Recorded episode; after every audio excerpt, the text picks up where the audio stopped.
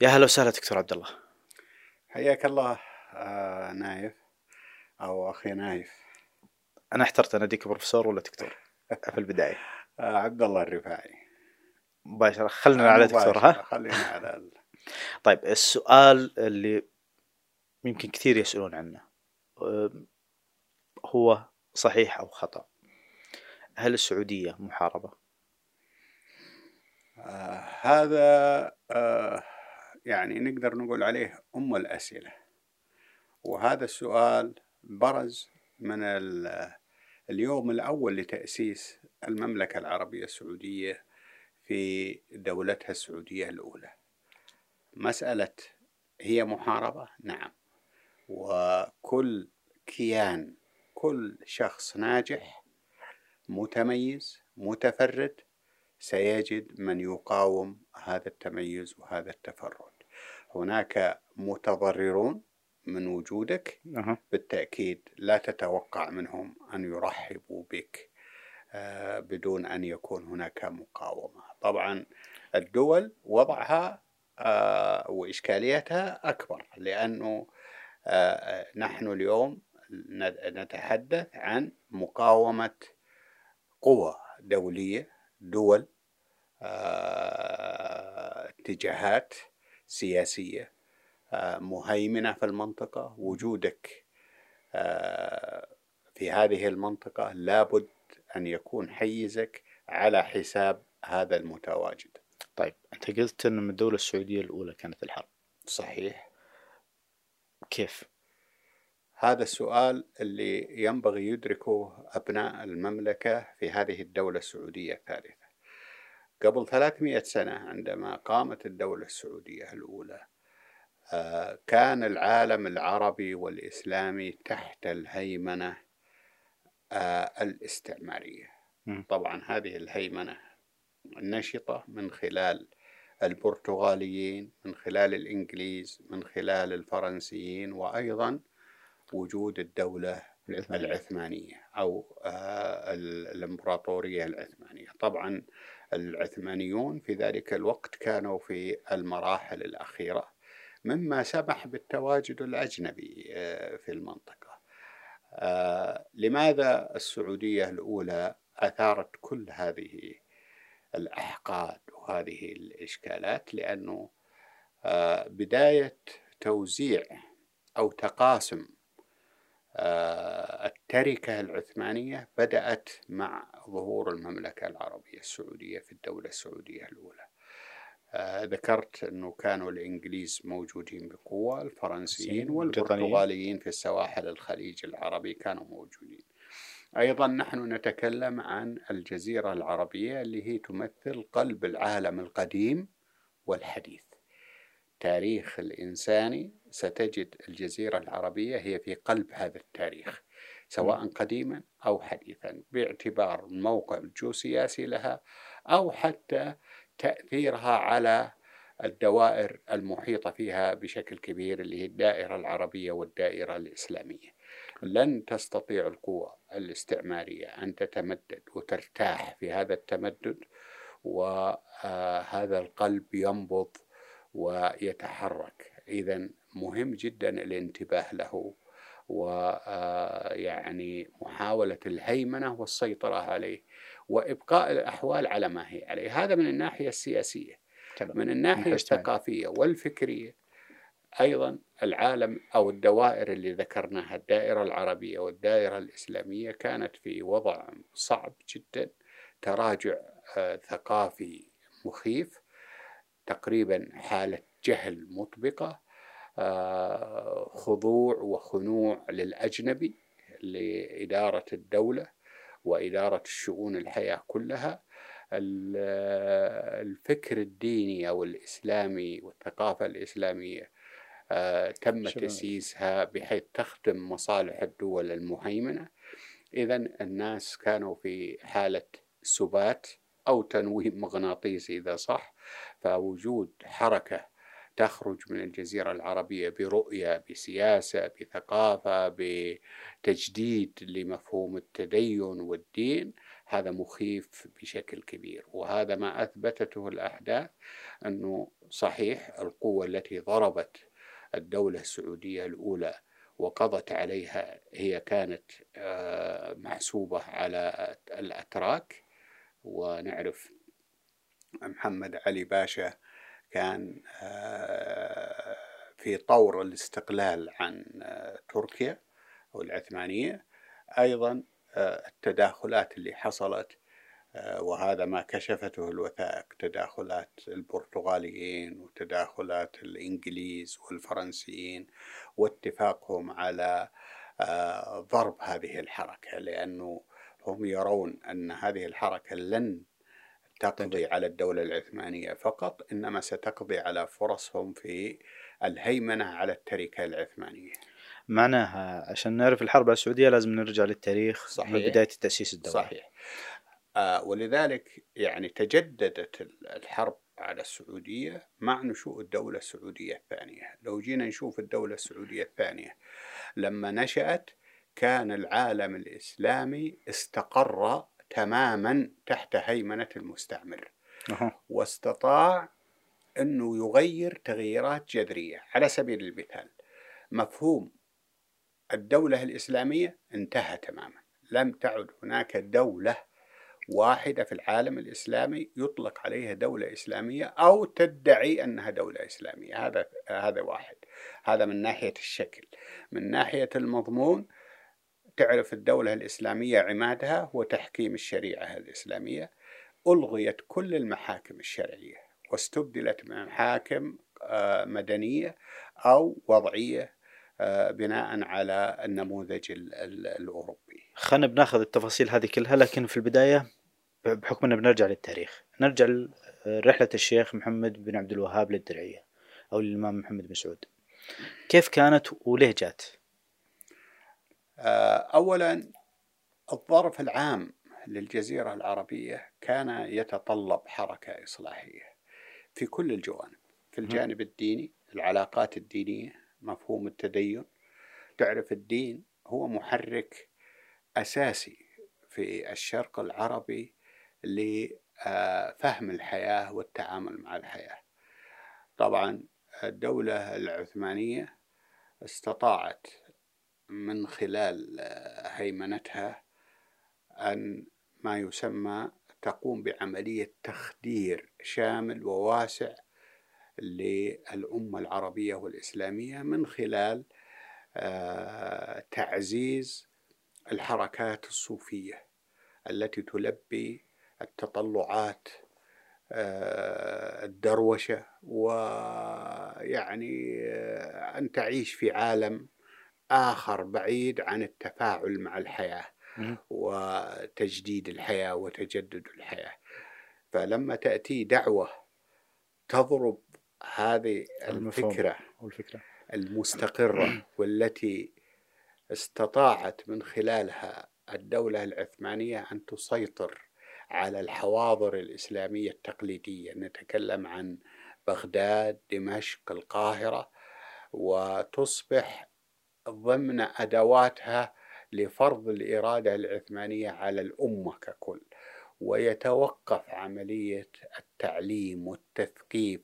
بل اللغة العربية تراجعت لأنه أيضا آه، الدولة العثمانية آه، هي الدولة الوحيدة التي نحت اللغة العربية التي حكمت العالم الإسلامي ونحت اللغة العربية. أصبحت الثقافة العامة باللغة التركية فتوقف آه، التفكير العربي لأنه أوقف مسألة اللغة فأصبح العالم العربي يعيش طبعا اللي هو قلب العالم الإسلامي يعيش حالة من التخلف. هذا من الناحية الثقافية والفكرية والعقدية. يترتب عليه الناحية السياسية. نعرف أنه آه، الجزيرة العربية آه، بعد آه، الخلافة الراشدة وانتقال علي رضي الله عنه إلى العراق لم تعد حاضرة الدولة إلى الجزيرة العربية. فتم إهمالها بشكل كبير مما أثر على مستوى الحياة والمعيشة وجودة الحياة في الجزيرة العربية. لم تحدث لها أي عملية تنمية. آه، طبعا خروج الإمام علي أو علي رضي الله عنه كان لأسباب موضوعية ولكن الدول الأخرى اللي قامت بعد الخلافة الراشدة. جميعها ابتعدت عن الجزيرة العربية. أنا أعتقد أنها كانت مقصودة الحقيقة آه، الابتعاد عن الجزيرة العربية باعتبار أن الجزيرة العربية تضم القوة المحركة لمادة الإسلام. ولذلك آه، عزلها سيساعد على الهيمنة والسيطرة على الحكم. ولذلك استمرت من الخلافة الأموية إلى العباسية وبعدين انتقلت في مراحل إلى القاهرة وعادت إلى إلى الشام وهكذا لكن دون أن يتم العودة إلى الجزيرة العربية. نعرف آه، بالذات إحنا نتكلم عن مكة والمدينة المنورة. بالإضافة إلى الوضع الجغرافي وطبيعة المناخ كل هذه كانت عوامل الحقيقة جعلت الجزيرة العربية تعيش أوضاع متردية بامتياز. طبعا العالم العربي والإسلامي كله كان يعيش مرحلة تردي وحالة فقر وحالة آه، ضعف. ولكن إذا قلنا إذا قلنا أنه كان الناس عند حد الفقر مثلا في العراق والشام ومصر فالجزيرة العربية تحت, كانت تحت حد الفقر بمسافات كبيرة طيب. فأن تأتي دولة أو يأتي مشروع يعيد صياغة هذه الأمة في الجزيرة العربية ينظفها من الناحية الفكرية والعقدية بالتأكيد سيكون عندها تطلع أنها تعيد الامتداد الإسلامي وهذا ما حدث في الدولة السعودية الأولى امتدت بشكل كبير وطبعا وجدت حتى ترحيب من كثير من العرب في الجزيرة العربية وفي أطراف الجزيرة العربية وهذا يعني رفع مستوى الخطر بشكل كبير من هذه الدولة الوليدة. القضية ليست قضية دولة دولة وحكم فقط. إنما بما تحمله من مضامين. لأنه لو نشأت هذه الدولة على سبيل المثال دولة سعودية قامت على نفس الأسس والمبادئ اللي ترى السلطنة العثمانية أنها هي أساس الاستقرار والحكم عندهم لباركوها. وأصبحت زيها زي أي دويلة تنشأ وتدعم المشروع العثماني. وهذا حدث في مصر على سبيل المثال. في المرحلة الأولى عندما قام محمد علي باشا آه، وطالب باستقلال مصر منحوه الاستقلال يعني بعد معاناة. ولكن لما طرح مشروع التحديث لمصر آه، بشكل كبير حاربته الدولة العثمانية. طيب برجع لك لجزئية لقاء الشيخ محمد بن عبد الوهاب والإمام محمد بن سعود. كيف كان لقائهم وكيف تكونت الفكرة؟ طبعا المشروع الفكري موجود عند الشيخ محمد بن عبد الوهاب. آه هذا الرجل حاول أنه يجد من يسانده في هذا المشروع. ذهب لأكثر من أمير منطقة في نجد. لم يجد آه جرأة في اتخاذ قرار آه سياسي بتغطية أو تبني هذه الحركة الإصلاحية إلى أن وصل إلى الدرعية. طبعا في البداية عندما وصل الشيخ محمد بن عبد الوهاب كانت سيرته وصلت إلى الدرعية. وأيضا في البداية الإمام محمد بن سعود كان متردد القبول. في تبني هذه الدعوة. ومعه حق لأنه في ذلك الوقت الظروف الجيوسياسية مهمة جدا. هو لا تنسى أنه محمد بن سعود هو أمير تعتبر بلدة قرية يعني. وهناك قوة موجودة في الجزيرة العربية.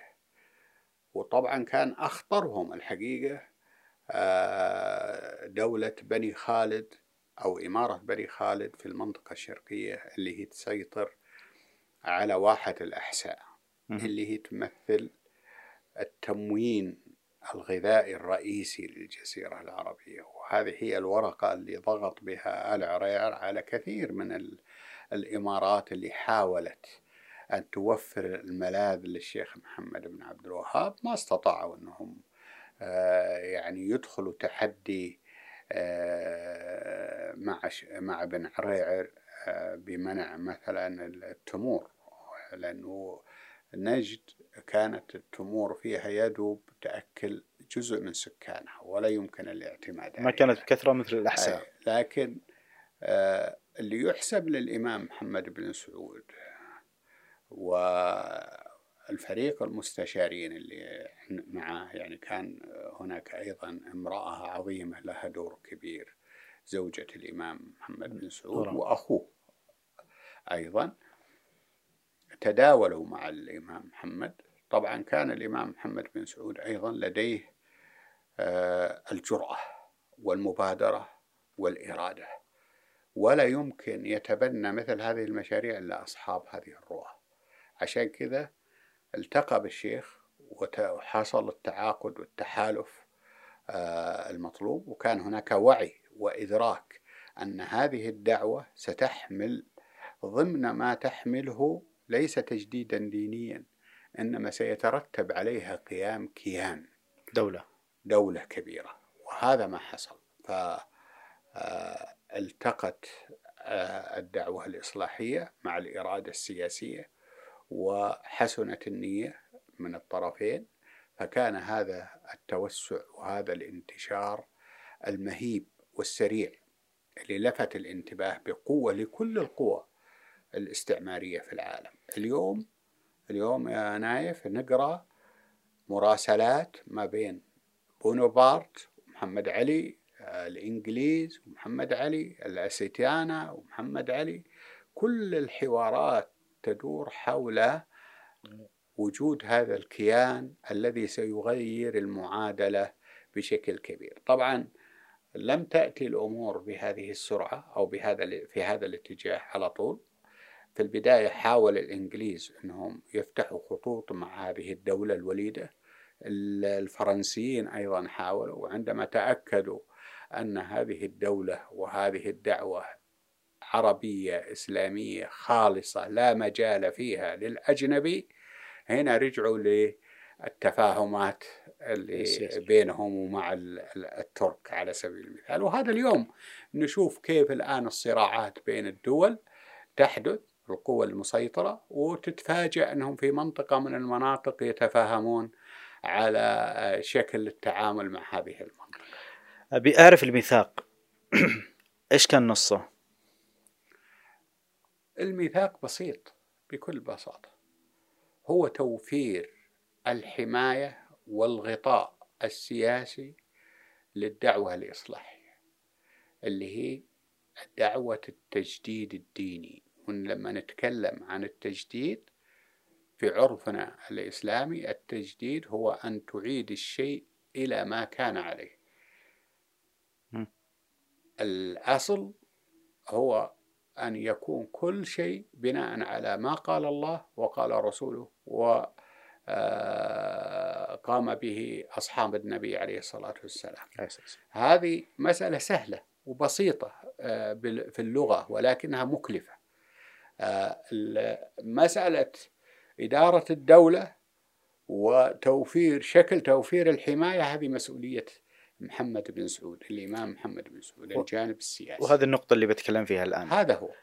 كيف أدار الوضع في ظل وجود الإنجليز البريطانيين الدولة العثمانية آه، في ظل أكثر من حاكم حوله؟ كيف قدر يدير الوضع يصنع هذه الدولة؟ الدولة أو هذه الدعوة وهذه الدولة لما بدأت لم يكن مشروعها واضح آه، في أذهان أصحابها على الأقل. يعني أنا أتوقع الإمام محمد بن عبد الوهاب محمد بن سعود عندهم هدف واحد أنه الدين يرجع كما كان على عهد النبي عليه الصلاة والسلام. عليه الصلاة والسلام. هذا الهدف الأساسي. طبعا اللي حدث أنه الدعوة مكانها الجزيرة العربية. والجزيرة العربية كما ورد عن النبي عليه الصلاة والسلام.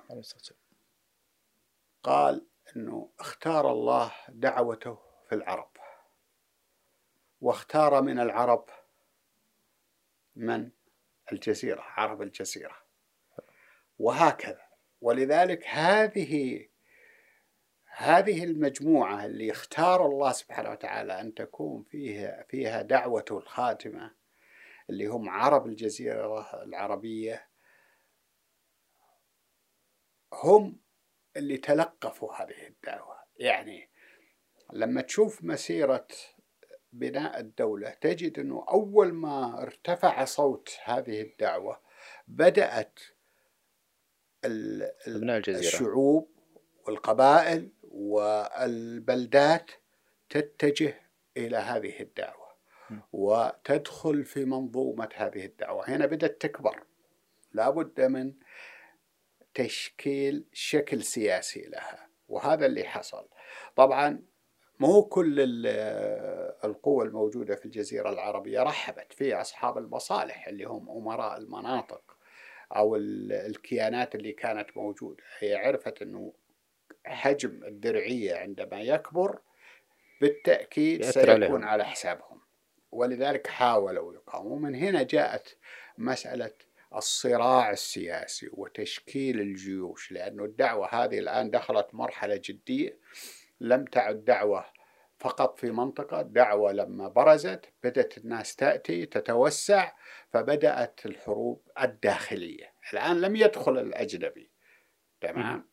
الآن ما حد يعرف لأنه هذه المنطقة معزولة. منطقة الجزيرة قلب الجزيرة العربية معزولة. متى بدأ؟ آه، آه، آه، يتردد صدى وجود هذا الكيان عندما وصلت شرقا إلى السواحل الخليج العربي اللي موجود فيه الإنجليز والبرتغاليين على الأرض ولما وصلت غربا مكة, مكة والمدينة. المنورة وهنا الترك والدول يعني حتى محمد علي باشا كان كانت مصر تتبع إداريا إلى أو الحجاز تتبع إلى مصر, إلى مصر. هنا بدأت الآن تدخل المسألة مرحلة جديدة. أصبح فيه دول كيانات متضررة من وجود هذه الدولة اللي تزداد تمدد وشعبية أخطر ما في دعوة الشيخ والدولة السعودية هو شعبيتها. يعني هي حركة شعبية بامتياز. يعني ولذلك لما جاء الملك عبد العزيز هي كل اللي معاه 19 21 25 في مختلف الروايات فتحوا الرياض. طيب وبعدين؟ كيف صارت هذه الدولة؟ لأنه أول ما عرفوا الناس أنه عبد العزيز آل سعود وجد وجد في الرياض واستح واستحكم في الرياض بدأت مباشرة. تأتي الأمور وبدأت تتوسع الدوائر شكرا دكتور والجزء الثاني راح نكمل شكرا لك